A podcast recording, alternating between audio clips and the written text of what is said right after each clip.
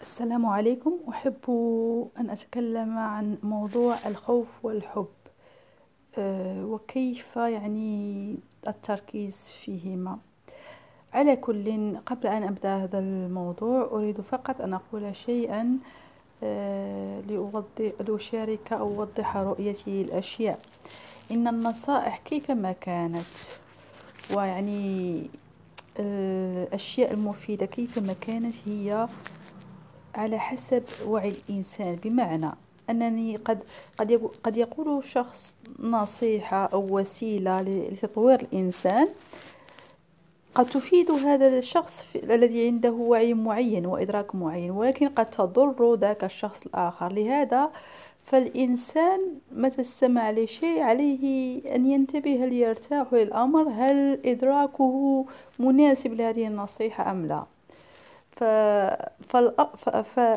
فالأفضل أن يفكر الإنسان في أي شيء يتلقاه وقد يكون شيء يضره هو في حد ذاته ولكن بالنسبة لشخص آخر هو يرجع عنه بالنفع الكبير. لهذا في العمق لا يوجد خطأ وصواب ولكن هي هي هي باطنها مستويات وعي وإدراك.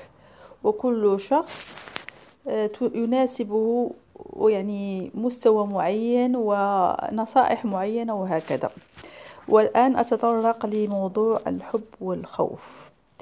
في اعتقادي وإن أكثرية الناس يركزون على الإيجابية ويقولون عليك أن تركز على الإيجابية أقول هذا الأمر صحيح لمستوى معين. من الإدراك. ولكن الإنسان ما أن يتطور وتصبح المشاعر السلبية غير غير مؤثرة كثيرا على حياته يعني لا لا تسبب له هبوط قوي للمشاعر أو اكتئاب أو حزن شديد أو غير ذلك. فمن الأفضل من الأفضل ألا يهرب من المشاعر السلبية كما يهرب الفأر من القط بل يواجهها و يعني يتعداها وكأن إنسان عنده جرح وهو يغطيه بالضمادة ولا. ويقول لا فلأنظر إلى الأشياء الإيجابية إن هذا فقط ضمادة ولا ينظر إلى الجرح فيكبر حتى يسبب له ضرر كبير هكذا أرى الأشياء يعني طبيعة الحال هذا بالنسبة لمن وصل لوعي معين لمن لمن ليست له نفسية هشة. أما بالنسبة لي نفسيته هشة من الأفضل أن يهرب من المشاعر السلبية والناس سلبيين وغير ذلك كما يهرب الفأر من القط لأنه غير متحمل هذه الأمور. وينشغل وعليه أن ينشغل بتقوية نفسه وبعدها ممكن أن ينطلق لنصائح لي يعني مستوى وعي أكبر. ولهذا فبالنسبة للخوف والحب بالنسبة لي غالبا من خلال تجربتي الحب يكون مغطى بالخوف يعني يكون فقط خطاء غطاء وليس حقيقي. ولهذا يقال في الأغاني الحب عذاب آه، هذا أشياء كثيرة. يعني ينظرون للحب نظرة سلبية من كثرة عذاباته وخيبة أمل وغير ذلك. بالنسبة لي وهذا ما أراه عندما يتقوى الإنسان ونفسه تتقوى عندما يكون الخوف والحب فمن الأفضل من الأفضل أن يركز على الخوف.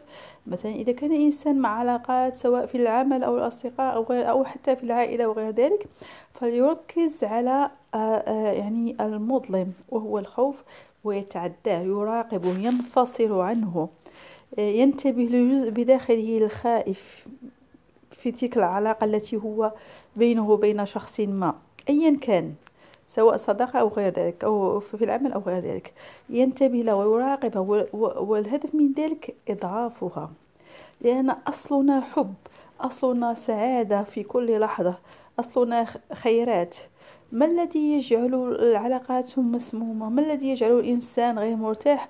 هو تلك آه، ذاك الجزء المظلم وهو الخوف والذي يهرب منه الإنسان ويركز على الحب. الحب وهو في الحقيقة ليس حب حقيقي ولكن حب مزركش أو غطاء مزركش. باطنه خوف ويدمر الإنسان ويدمر العلاقات تدريجيا. لهذا كلما ركزت على الخوف وراقبته وأضعفته كلما تحسنت أول حاجة نفسية الإنسان وتحسنت علاقاته وتحسنت خصوصا علاقته مع خالقه فتتحول من من علاقة رعب وخوف من العقاب إلى علاقة حب وسعادة واستشعار عظمة الله. هذا ما أحب أن أقوله. يعني في كل شيء إذا شاء الإنسان أن يركز على الخوف لأنه هو الزائف. الزائف من كثرة زيفه يتحول إلى حب. يعني الإنسان أو العقل يخدع سيده فهو خوف يسميه حب. فإذا ركز الإنسان على الخوف لم يعد للعقل شيء يخدع به الإنسان. ومتى ذهب ذاك الخوف؟ أصبح الإنسان حب صاف يعني تدريجي. طبيعة الحال لا يأتي هذه لا تأتي الأمور هذه الأمور هكذا ولكن تدريجيا يتحول الإنسان إلى حب صافي سعادة. حتى وإن أفعل أشياء للآخرين تكون فيها بركة كبيرة لأن كلها حب. مشكلة كما ترى قد ينتبه البعض أنه في محيطه قد يعمل الإنسان لآخر خير والآخر يرجع بالشر. يعني يكون فيه بعض السلبية. وإن هو لا يفطن لها لماذا لا يفطن لها؟ لأنه ينظر فقط إلى الأشياء الإيجابية. فكلما الإنسان بدد الخوف بالمراقبة عليه أن ينتبه إليه بالانفصال عنه. كلما بدد هذا الأمر كلما تحول ذهب الخوف وحل محله الحب أو تجلى الحب فهو كأنه مخبأ. هذا هذه هي رؤيتي التي أحببت أن أشاركها معكم لمن يستمع لهذا الأوديو. حتى يعني يزداد الإنسان حبا لنفسه ولخالقه ولمحيطه وتزداد البركة لمن استطاع لذلك سبيلا. أما من لم يستطع فليفعل ما يعني هو مناسب له في يعني مستوى إدراكي. كما أقول لا توجد نصيحة يعني هي مطلقة. كل شيء نسبي وكل نصيحة أو يعني طريقة هي مناسبة لنوع من الناس على حسب إدراكهم. وأتمنى لكم الخير جميعا.